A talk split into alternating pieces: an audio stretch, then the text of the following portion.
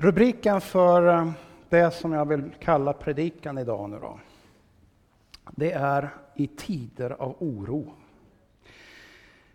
Jag vet inte exakt var du befinner dig i livet.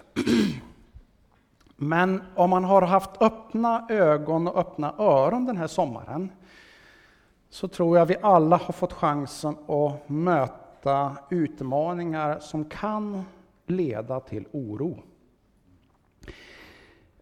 Vi har alla upplevt att det har varit oerhört varmt. En del har tyckt det har varit fantastiskt skönt. Andra har tyckt det har varit alldeles för varmt och det går inte att göra någonting. Och så har vi sett hur bränder har brunnit på den ena platsen efter den andra. Skogar har gått upp i rök. Och så har det talats om att det här är kanske någonting vi måste vänja oss vid. Det här är kanske någonting som kommer och för en del utav oss så kanske det här känns som hotfullt. Jag ska inte gå in i miljödebatten på något sätt. Men det kan finnas både upplevda hot och verkliga hot som gör att vi blir oroade. En del uttrycker en stark oro över att demokratin i världen är hotad. Eh, inte minst med starka ledare som utmanar och inte tycker om den demokratiska processen. Det kan leda till oro. En del är bekymrade, hur ska det gå i valet här i Sverige?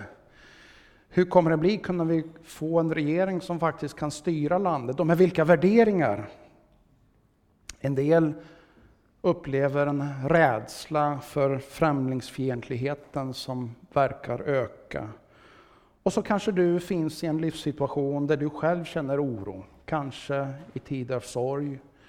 Kanske inför en ny fas i livet med hösten. Eller något annat som rör din hälsa. Vad vet jag. Och då är det så fantastiskt med det här Johannesevangeliet, det 14 kapitlet.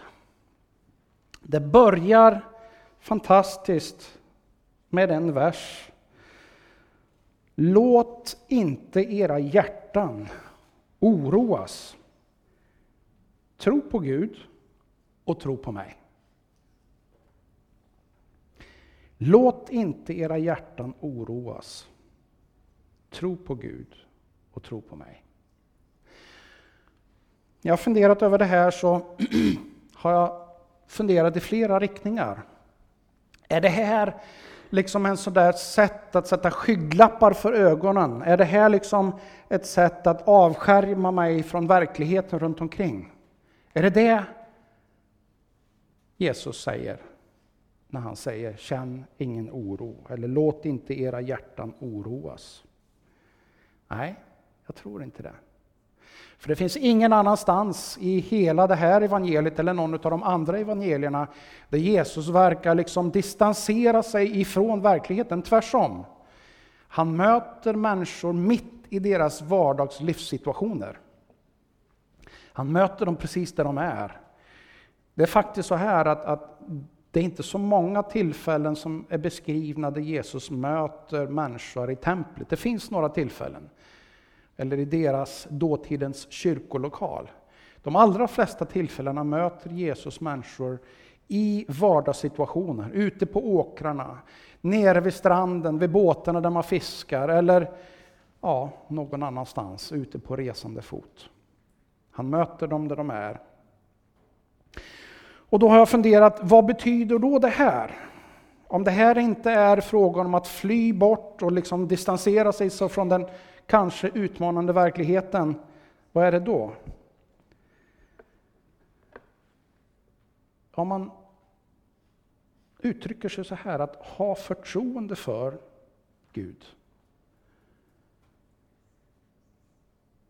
Då betyder det att jag inte bara tror på Gud, att han finns och att han har någon roll och han har någon makt jag faktiskt både tror och jag litar på, jag är trygg med att han faktiskt använder sin makt och sin koll på ett bra sätt som jag kan känna mig trygg med.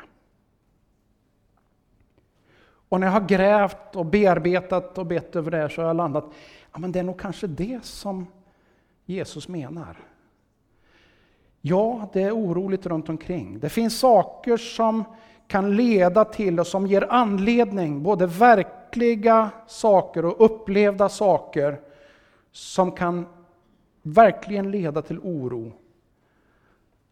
Men budskapet som Jesus förmedlade är att låt inte det där oroa er. Istället sätt blicken på mig, ha förtroende för mig, lita på mig. Jag finns och jag har kontroll. I ett av kapitlen så säger Jesus så här att ja, nu kommer världens härskare. Men han har ingen makt över mig, bara så att ni vet. Med andra ord, det finns inga omständigheter som inte Jesus har koll på. Det finns inga omständigheter som Jesus liksom är inte kan hantera. När han dör så är det inte så att människorna tar hans liv. Han uttrycker det själv, jag ger mitt liv. Och när han samtalar med Pilatus så säger han att du skulle inte kunna göra någonting om inte du hade fått makten. Så när Jesus säger ha förtroende för mig, eller lita på mig, tro på mig, så menar han att ja, men jag har koll. Okej, okay, det kan storma, men håll dig nära mig. Ha förtroende för mig. Jag har varit med. Lita på mig. Häng på. Så ska du få uppleva att du behöver inte oroa dig. Det finns ingen situation som Jesus inte kan hantera. Så finns det en annan sån här nyckelvers i den här och jag kommer inte ta alla verser men jag har valt några sådana här som jag tycker lyser fram riktigt starkt. Det säger Jesus så här. Jag är vägen, sanningen och livet. Ingen kommer till Fadern utom genom mig.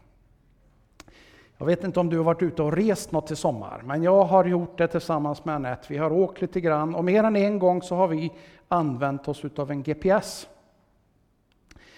Och eh, ibland så har vi en sån här GPS i bilen som antingen är inbyggd eller som man sätter där framme vid rutan. Och ibland så använder vi en, en, en, telefon som också kan fungera som GPS. Och vad har GPSen för, för roll och funktion? Jo, den hjälper oss att navigera på ett sätt som ska vara någorlunda säkert och som ska kunna ta oss ifrån en plats till en annan plats på ett bra sätt. Och den kan fungera vilket du ska cykla, eller du ska gå, eller du åker bil, eller kanske åka tåg till och med. Så kan GPSen tala om för dig, här behöver du svänga höger, eller nu, om ett litet stycke här, så är det dags att svänga vänster och så vidare. Jesus är mycket mer än en GPS. Men bibelordet här säger, och det han själv säger, jag är vägen, sanningen och livet. Det här med sanning, det är faktiskt någonting som, som återkommer i Johannes evangelium. Han talar om att Gud är sanning.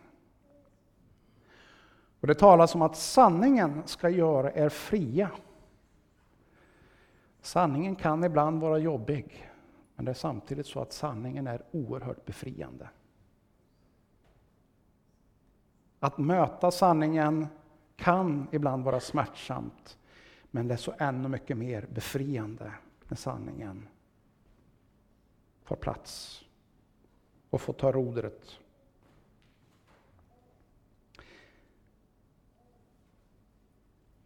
För att lära känna Gud på riktigt så måste man faktiskt lära känna Jesus. Det finns ingen liksom väg runt det. Det är Johannes evangeliet och inte minst det här kapitlet väldigt tydligt med.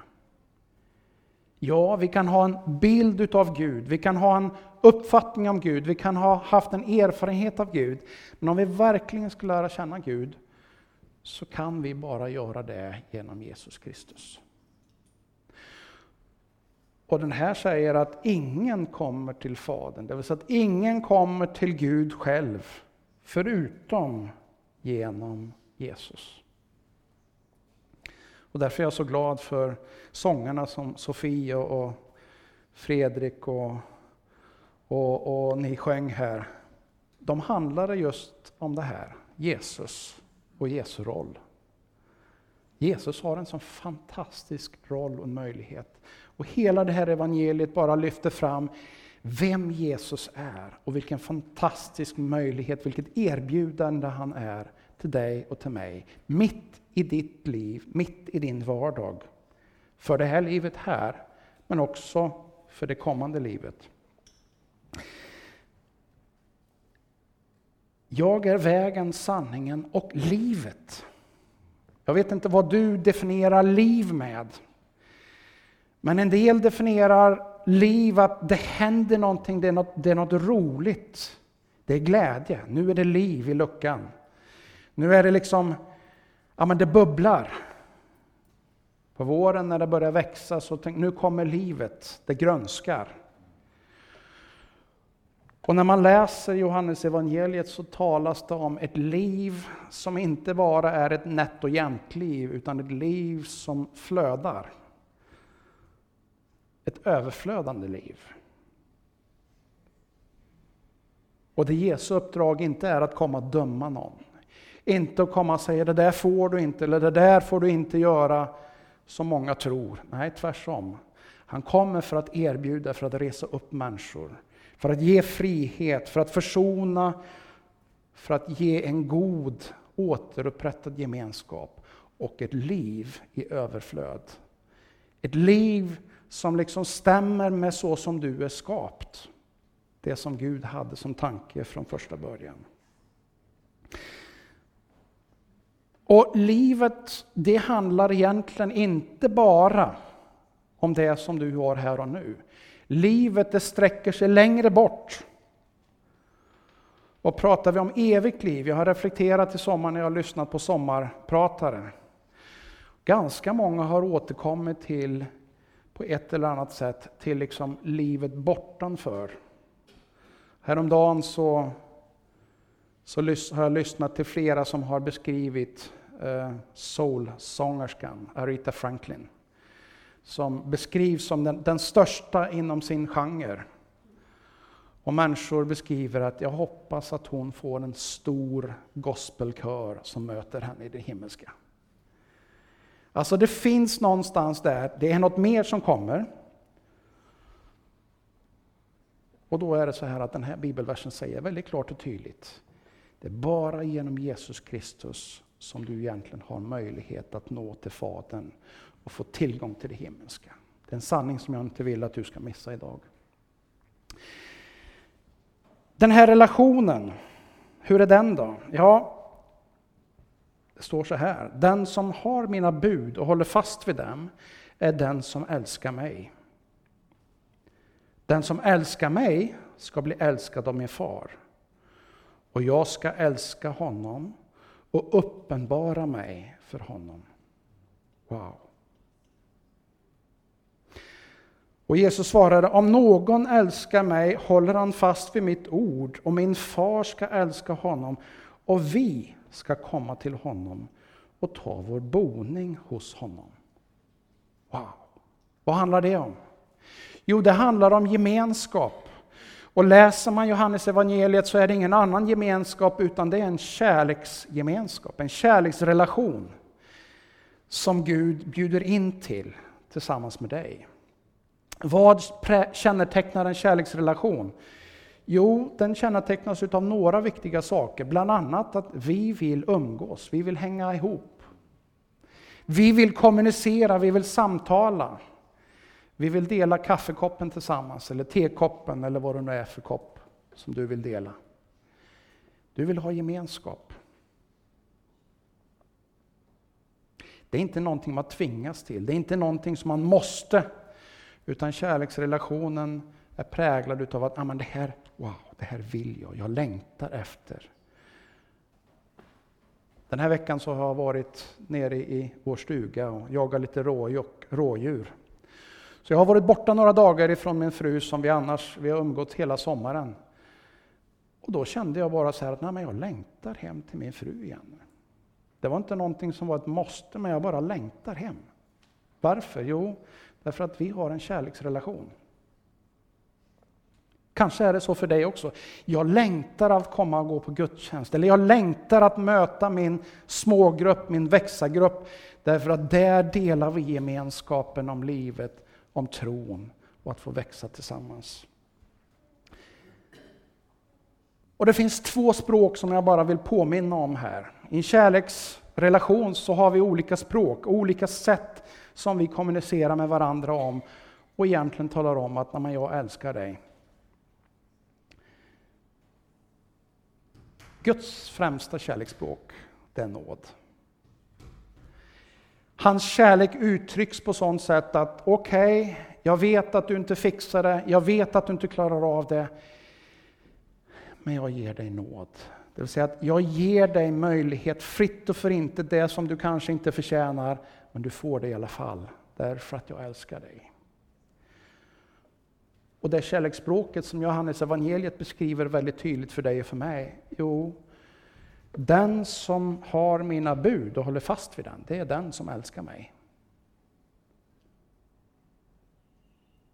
Och då säger Jesus, ja men då vill vi komma och bo, vi vill komma och vara tillsammans med er. Inte bara något besök någon gång ibland, inte bara liksom en semestertur tillsammans en gång om året.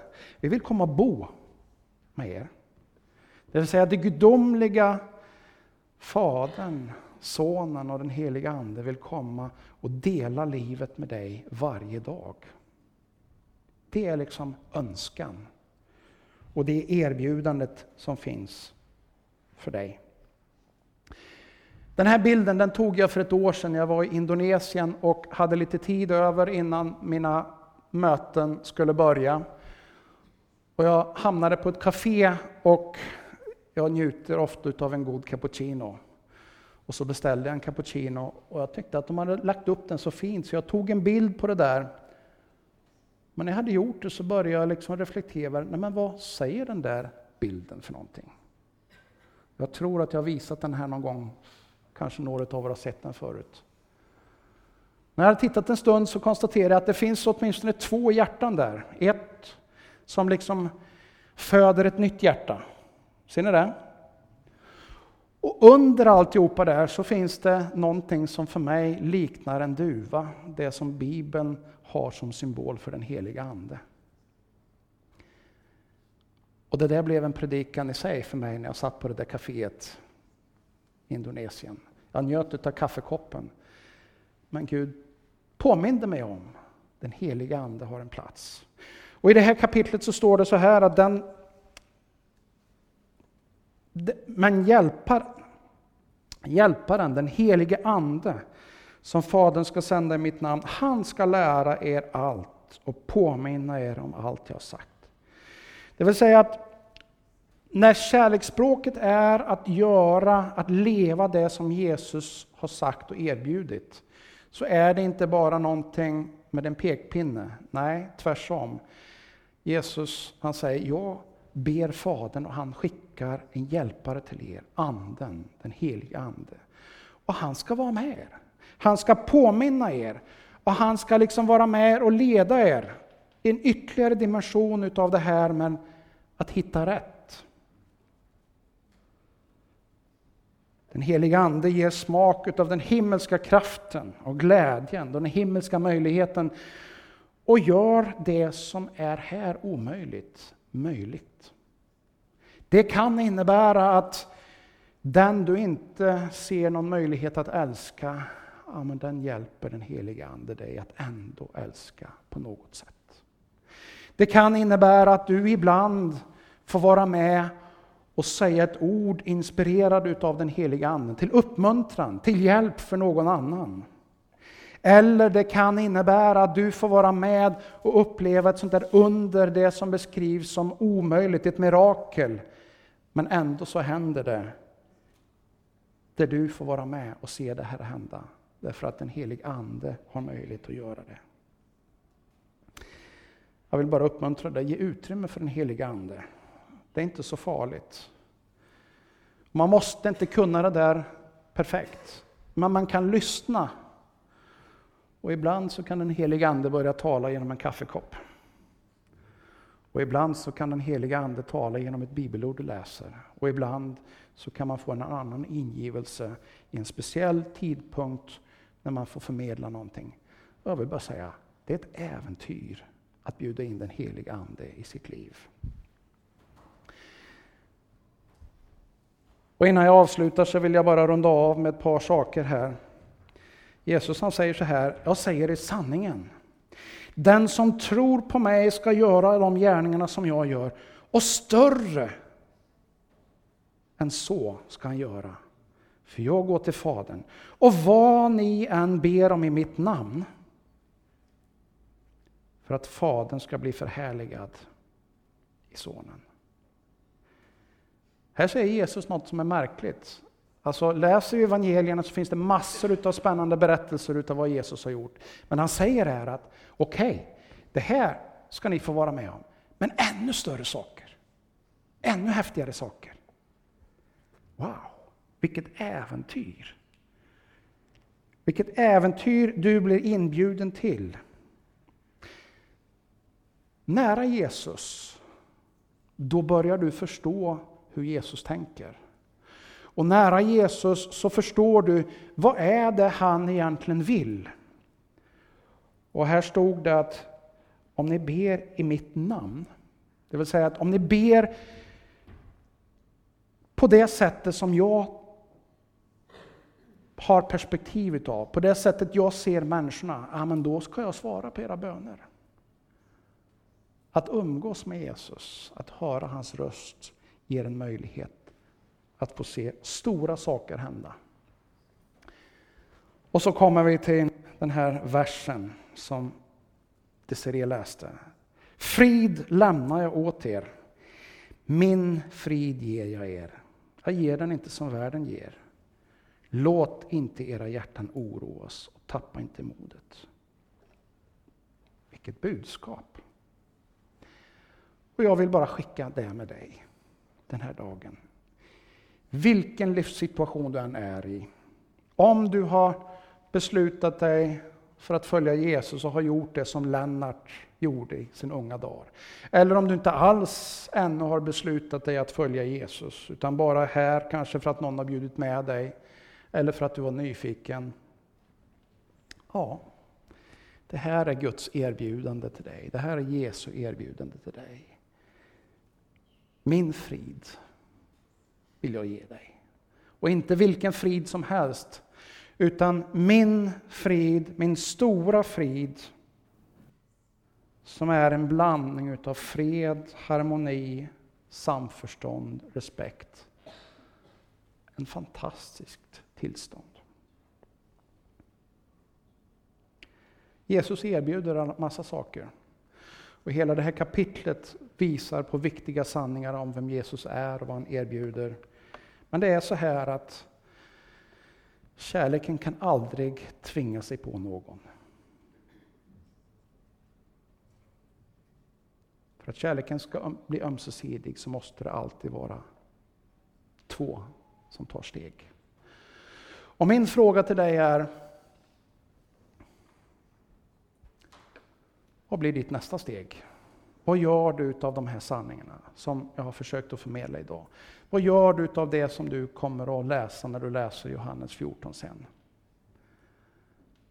Vilket steg tar du? Min erfarenhet det är att börja ta ett litet steg. Så det är mycket större chans att du kommer att komma långt än om du väntar och väntar för att ta ett stort steg. Börja ta ett litet steg idag. Lite steg på det som du har fångat upp.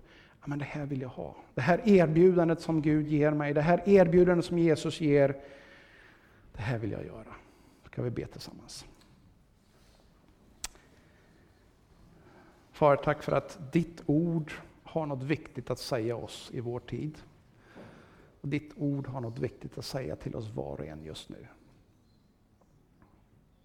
Och Herre, jag ber för var och en som på något vis har berörts av ditt ord idag. Jag ber om din hjälp och jag ber om modet att våga ta ett steg.